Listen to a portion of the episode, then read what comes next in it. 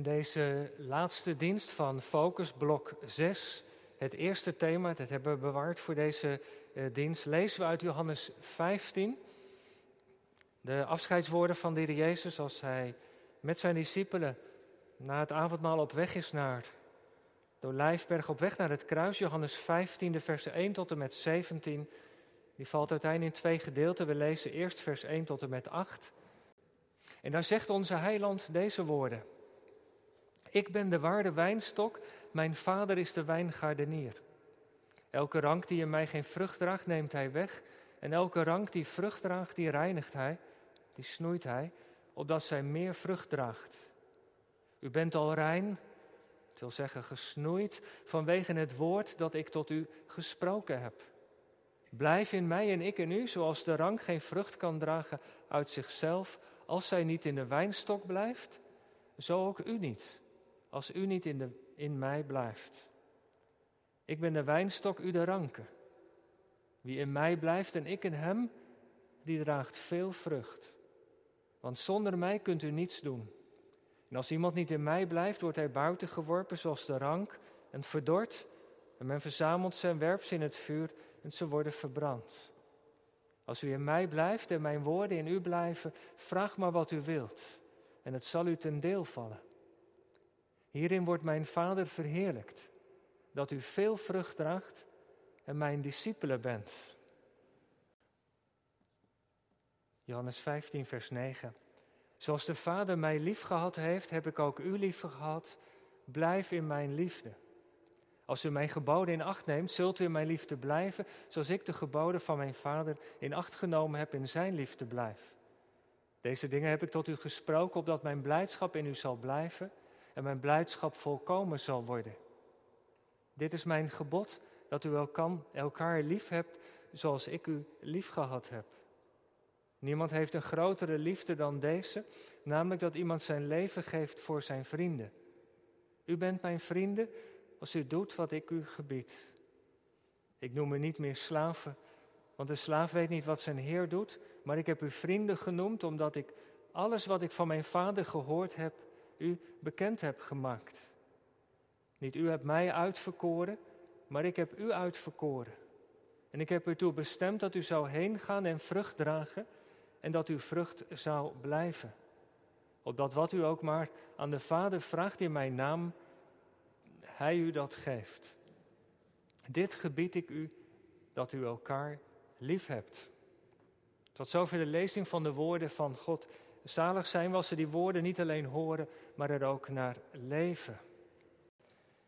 Gemeente, even terug naar Johannes 15. Als er één vers wat ik zou willen onderstrepen vanmorgen, dan ja, er staat zoveel in het Bijbelgedeelte. Daar kan je heel wat preken over houden, maar dan zou ik toch even wijzen op vers 16. Niet u hebt mij uitverkoren, maar ik heb u uitverkoren en ik heb ertoe bestemd dat u zou heen gaan en vrucht dragen. Het thema voor de preek van vanmorgen is van Focus blok 6, thema 1, verbonden aan Christus. Gemeente van Christus, broeders en zusters, u die met ons meekijkt, verbonden bent. Vorig jaar zomer bezochten we met een deel van ons gezin een wijnboer in Italië. We hadden ingetekend voor een wijnproeverij. En we kregen ook uitleg over het verbouwen van de druiven, het hele proces van het maken van de wijn, de oogst en alles wat erbij komt kijken. En het was bijzonder leerzaam.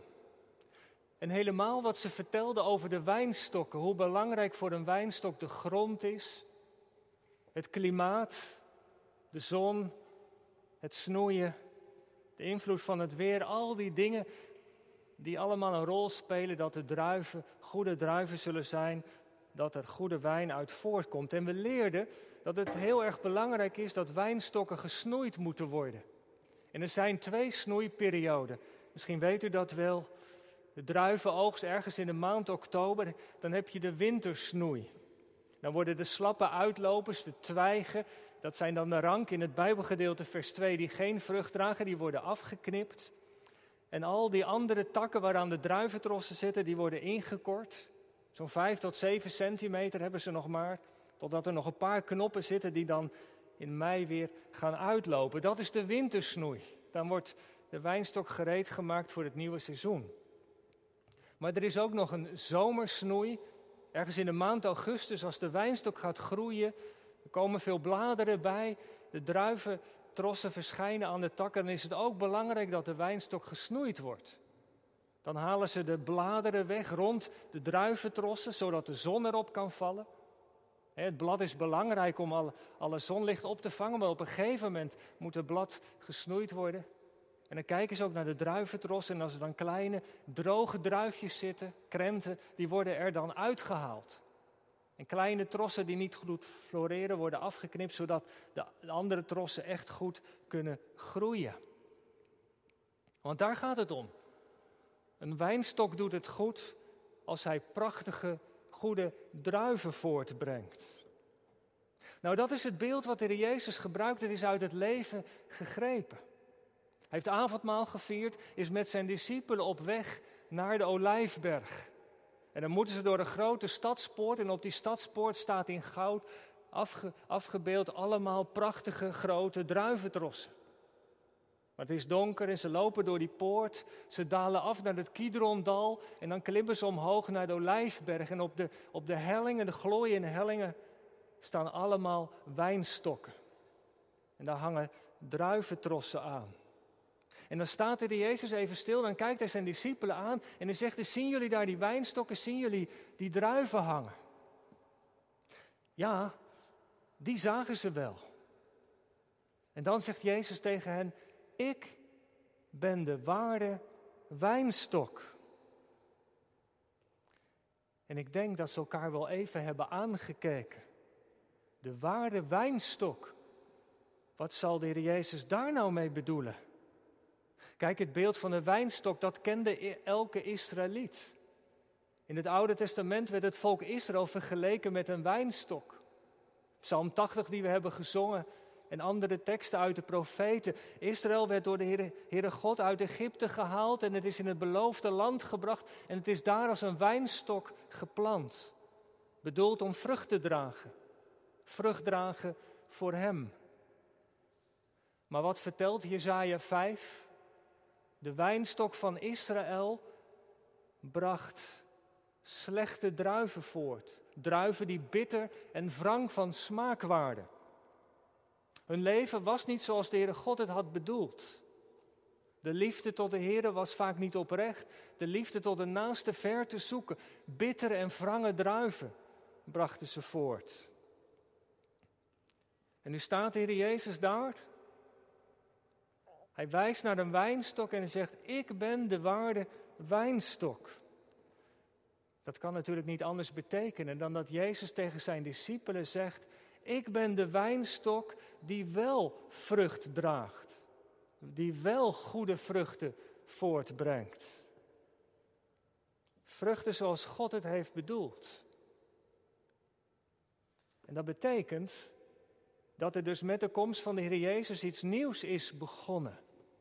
Hij is gekomen om de Heere God te geven wat het volk zelf uit zichzelf niet kon voortbrengen.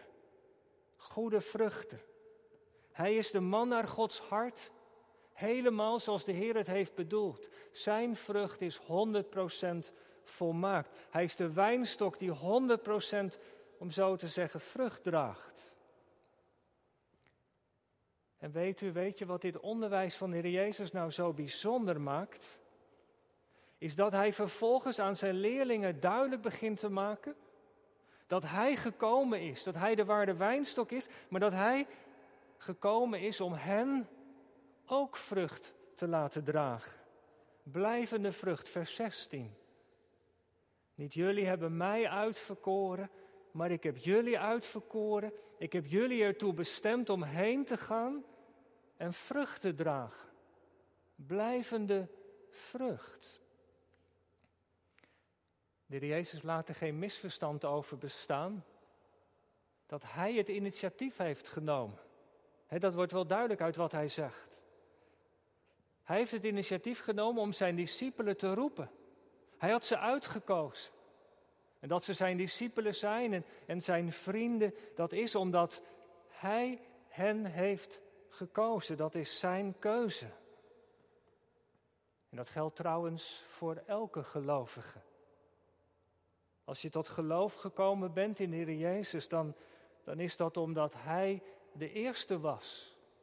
Omdat Hij ons heeft geroepen. Omdat, we, omdat Hij aan ons getrokken heeft. En ons te sterk is geworden. Het is Zijn initiatief. En apostel Petrus zegt dat ook in zijn brief tegen de gemeente. Jullie zijn Gods uitverkoren geslacht. Het initiatief ligt bij de Heere God. Uitverkoren om de grote daden van God te verkondigen. En nou, dat zegt de Heer Jezus dus hier ook. Uitgekozen en, let even op het woordje bestemd. Bestemd om heen te gaan en vrucht te dragen. En als je dit Bijbelgedeelte wat meer op je laat inwerken, het valt uiteen in twee gedeelten, 1 tot en met 8 en 9 tot en met 17. In de eerste acht versen komt het woord vrucht heel veelvuldig voor. En daar bedoelt de Heer Jezus de vernieuwing van ons leven, de verandering van ons karakter. God ziet graag dat zijn leerlingen, zijn volgelingen, zij die in de Jezus geloven, steeds meer op Hem gaan lijken. Dat is die vrucht die God in ons leven graag ziet. Maar in vers 16, in combinatie met heen gaan en vrucht dragen, gaat het over de vrucht in levens van anderen. Over zending en evangelisatie. Mensen in aanraking brengen met de liefde van Jezus. Dus in dit Bijbelgedeelte is vrucht dragen tweeledig. Persoonlijk, dat je leven wordt zoals God het heeft bedoeld. Door verbonden te zijn met Hem en door de Geest. En ook missionair. Anderen in aanraking brengen met het goede nieuws van het Evangelie. En daar staat Heer Jezus dus. Ik ben de waarde wijnstok. Ik ben degene die 100% vrucht draagt voor mijn hemelse Vader. Maar ik ben ook gekomen om jullie vrucht te laten dragen, blijvende vrucht. Levens die vernieuwd zijn, mensen die Hem leren kennen. Dat is de missie. Die de Jezus zijn leerlingen vanmorgen aan ons voorhoudt. Maar, let op. De Jezus zegt over die missie iets heel belangrijks. Hij zegt, het is een vrucht. Niet een activiteit in de eerste plaats, niet iets wat wij moeten doen, maar het is een vrucht. En vruchten, jongelui, dat weten we. Die groeien op een natuurlijke manier door verbonden te zijn aan een tak, de tak aan de boom. Via een natuurlijke manier. Als een vrucht. Wat is dat belangrijk om vanmorgen te horen? Dit is de laatste preek van Focus. Twee jaar lang zijn we als gemeente bezig geweest om vanuit het woord ons te bezinnen op onze roeping. Een drievoudige roeping, weten we het nog? De focus op de Heer Jezus, de focus op ons dagelijkse leven en de focus op mensen die Hem nog niet kennen. We hebben veel mooie dingen mogen ontdekken veel geleerd en er valt nog heel veel te leren. Maar vanmorgen zegt de Heer Jezus tegen ons: vergeet één ding niet. De roeping die ik jullie geef. En misschien moeten we wel zeggen, heel dat focustraject daarbij. Dat moet je zien als een vrucht. En het woord vrucht komt maar liefst acht keer voor in deze verse. De persoonlijke toewijding aan de Heer, het bereiken van anderen zegt Jezus, dat moeten jullie zien als een vrucht. Een vrucht is geen prestatie van ons, maar het is een geschenk van God, het werk van Gods geest. Dat is wel belangrijk om dat tot ons te laten doordringen. Want het staat wel haaks op hoe ons leven vandaag de dag eruit ziet. Want wie we zijn en wat hoe we tegen onszelf aankijken, dat hangt zo vaak af van wat we doen, toch? Onze identiteit wordt gevormd door wat we hebben, door wat we hebben bereikt, door ons werk misschien ook wel, door wat mensen van ons vinden. Als je weer iets post, dan kijk je naar de likes die het oplevert. En als je weinig likes krijgt, dan heb je een slechte dag. Nou, dat zal misschien bij jou niet zo zijn, maar het zou natuurlijk kunnen. Onze samenleving vandaag de dag is er zo op gericht.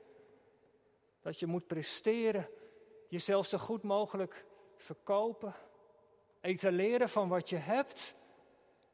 Prestatiemaatschappij, we herkennen er allemaal wel iets van. Door dingen te doen, ja, dan pas veranderen dingen kun je wat bereiken. Stilstand, zeggen we dan, dat is achteruitgang. Maar Jezus zegt vanmorgen, het is een vrucht. In de kerk en in het geloof draait het dus niet in de eerste plaats om allerlei dingen doen. Zeker, er moet ook veel worden gedaan. Maar vanmorgen horen wij dat woord. Het gaat niet zozeer om doen, maar om zijn.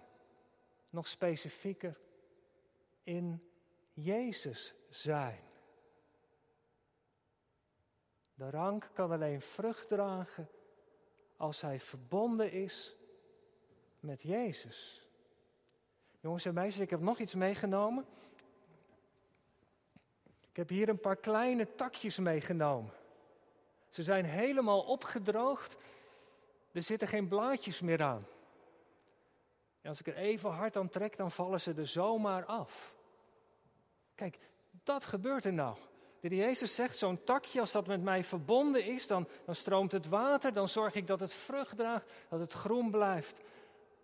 Maar als zo'n takje losraakt van de plant, ja, dan kun je wel voorstellen, dan, dan verdort het en dan wordt het droog. Het is zo'n eenvoudig beeld, maar wel duidelijk. Als wij niet langer verbonden zijn met de Heer Jezus, dan drogen we op, dan gaan we dood dan kunnen we geen vrucht meer voortbrengen. En daarom wees verbonden met de Heer Jezus. En wat is er nodig om vrucht te dragen? Drie dingen vanmorgen onderstreep ik uit dit prachtige Bijbelgedeelte. Het eerste is dus verbonden zijn met de Heer Jezus. Dat is steeds weer het refijn in deze paar versen. De rank kan alleen maar vrucht dragen als hij verbonden is met de Heer Jezus. En daarom de uitnodiging, de aansporing. Blijf in mij, wie in mij blijft, draagt veel vrucht. Want dat is de belofte, geen rank met Jezus verbonden zonder vrucht. Hoe kom je nou in de Heer Jezus? Nou heel eenvoudig, door in Hem te geloven. Door jezelf aan Hem gewonnen te geven. Dat hebben we toch wel gedaan, hè? Of, of nog niet? Nou, vandaag buig je knieën.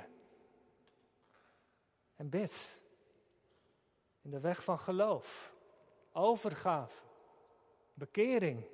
Je zonde beleiden. Tot Jezus je toevlucht nemen. Wie zich gewonnen geeft, die wordt geplant. In de wijnstok. En als ik u, als ik jou nou zou vragen, u die thuis zit mee te kijken, heeft u, heb jij de Heer Jezus lief? Beleidingscategorisatie praten we daar ook over. Heb je aan hem gewonnen gegeven? Nou, als je dat kunt zeggen, dat je hem niet kunt missen, dat je hem lief hebt, dan is er wat in je leven gebeurd. Dan, dan ben je door de geest verbonden geraakt met je heiland. En dan stroomt er iets van zijn liefde en genade door je leven. Ontvang je vergeving van je zonde, dan is er kracht met Hem verbonden. Door het geloof kom je in Heer Jezus. En hoe blijf je dan in Hem? Want dat zegt hij ook, blijf in mij. Nou ja, hij noemt een paar dingen. Hij noemt het gebed. Prachtige beloften zijn er in dit hoofdstuk vermeld over het gebed.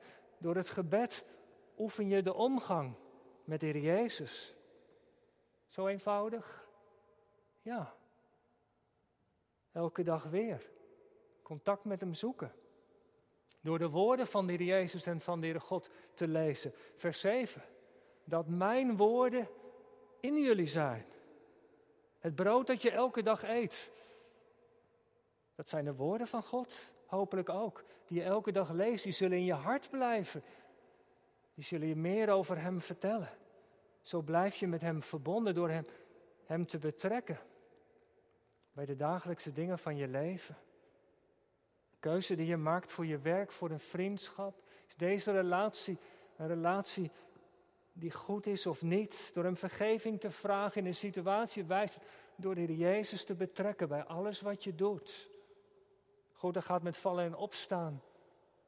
Maar het gaat om de intentie van het hart. En ook, ja, dat is in deze coronatijd nu zo moeilijk, maar, maar ook door in contact te blijven met je broeders en zusters. Want de Heer heeft ons broeders en zusters gegeven om ons te helpen, te corrigeren, te bemoedigen. Weet u, als u de versen 1 tot en met 8 nog eens rustig naleest, alle werkwoorden staan in het meervoud. Jezus spreekt niet een individuele gelovige aan, maar de hele kring. U mag je steeds vertalen met jullie. De werkwoorden staan in het meervoud. Het gebed, het, de woorden van de Heere God en betrekken bij de dagelijkse dingen, verbonden te blijven met je medebroeders en zusters. Zo zegt de Jezus, blijf je in mij. En wat zo mooi is, dat is de enige opdracht, om zo te zeggen in deze versen. Het geheim is dat Hij zorg draagt dat de vrucht in je leven groeit. Als je maar met mij verbonden blijft, dan zal ik je karakter vernieuwen, je hart veranderen. Dat je het verlangen krijgt om als Maria aan mijn voeten te zitten. Dat mijn liefde en geduld meer zichtbaar in je wordt. Dat je gebed intenser wordt. Al die dingen, zegt Jezus tegen zijn leerlingen, zullen vrucht zijn van wat ik in je leven doe. Verbonden met de Heer Jezus, dat is het eerste. En het tweede, laat je door Hem snoeien. Dat is het tweede wat hij zegt. Elke rank die vrucht draagt, lezen we, die reinigt hij. Nou, dat woordje reinigen, dat heeft met snoeien te maken. Die snoeit hij opdat zij meer vrucht draagt. Dat reinigen bestaat uit twee dingen: snoeien en krenten. Snoeien. Je kunt er iets bij voorstellen dat de Heer Jezus de bladeren weghaalt in je leven die het zicht op de vrucht ontnemen. Dat kan hij doen door de omstandigheden in je leven. Vaak is het een pijnlijk proces. Dat hij dingen van je afneemt die niet goed voor je waren. Hij stuurt je op een andere weg dan die je zelf had ingeslagen. Als je dingen moet laten omdat je het niet meer kunt of niet meer mag, om welke reden dan ook. En soms zijn we gewoon te druk om naar Hem te luisteren en dan worden we stilgezet. Heb je dat wel eens meegemaakt? Fijn is het niet, maar heilzaam vaak wel. Nodig soms. En heb ik aan u en aan ons als gemeente een vraag. Voor de week die komt. Welke dingen staan er in de gemeente in de weg om meer met de Jezus verbonden te kunnen zijn in alle dingen die we doen? Zijn er dingen die de Jezus zou snoeien? In ons gemeente zijn, in ons persoonlijk leven. Wilt u daar eens over nadenken? Voor bidden. Snoeien. En het tweede, dat is krenten. die kleine druifjes die droog zijn, die worden weggehaald. Druifjes van trots en hoogmoed. Van bitterheid, egoïsme misschien. En hoe doet de Heer Jezus dat? Nou, hij zegt het in vers 3 tegen zijn discipelen. Jullie zijn al rein, jullie zijn al gesnoeid, gekrend. Daar is hij steeds mee bezig geweest. Door het woord. Doordat ik tot u gesproken heb, zegt hij. Via de woorden van God, het onderwijs daarover, is de Heer Jezus ons aan het snoeien. Zijn woord is een tweesnijdend zwaard. Het ontleedt de intenties, de gedachten van ons hoofd en ons hart. Zijn woord laat zien wat goed is om te doen en wat niet. Zo is hij met zijn discipelen, met zijn leerlingen bezig. Hij snoeit ons. Hij kremt ons. Het is een pijnlijk proces. Maar het heeft maar één doel. Opdat we vrucht dragen. En welke dingen zou hij in mijn en uw en jouw leven moeten krenten? Opdat we beter vrucht dragen. Zou je die vraag van morgen ook in gebed willen meenemen? Laat je door Hem snoeien, want dat is heilzaam. En het derde, er is één grote aansporing om in Zijn liefde te blijven. Versen 9 tot en met 17. Heel deze versen gaan over dat ene gebod. Heb elkaar lief zoals ik u heb lief gehad. Nog een keer, dit gebied ik. En Jezus staat daar. Op weg naar de olijfberg. Dat jullie elkaar lief hebben, dat is mijn gebod. En waarom die aansporing? Nou, ik denk hierom. Die liefde van de Heer Jezus, hè, waarover het gaat in vers 13, is dat Hij zijn leven voor zijn leerlingen gaat geven. Hij is voor hen aan het kruis gegaan. Even later. Dat heeft Hij ook voor ons gedaan. Om ons van vijanden tot kinderen te maken. Die liefde waar het hier over gaat, waarin ze moeten blijven, dat is de liefde van de Heer Jezus die vergeeft, die geneest, die ons opricht als we zijn gevallen. Dat is die liefde die ons omarmt, terwijl we dat helemaal niet verdienen. Dat is die liefde die ons draagt. En die liefde die is zo vol genade, dat Jezus maar één ding wil dat Zijn liefde in hun hart, in hun levens is.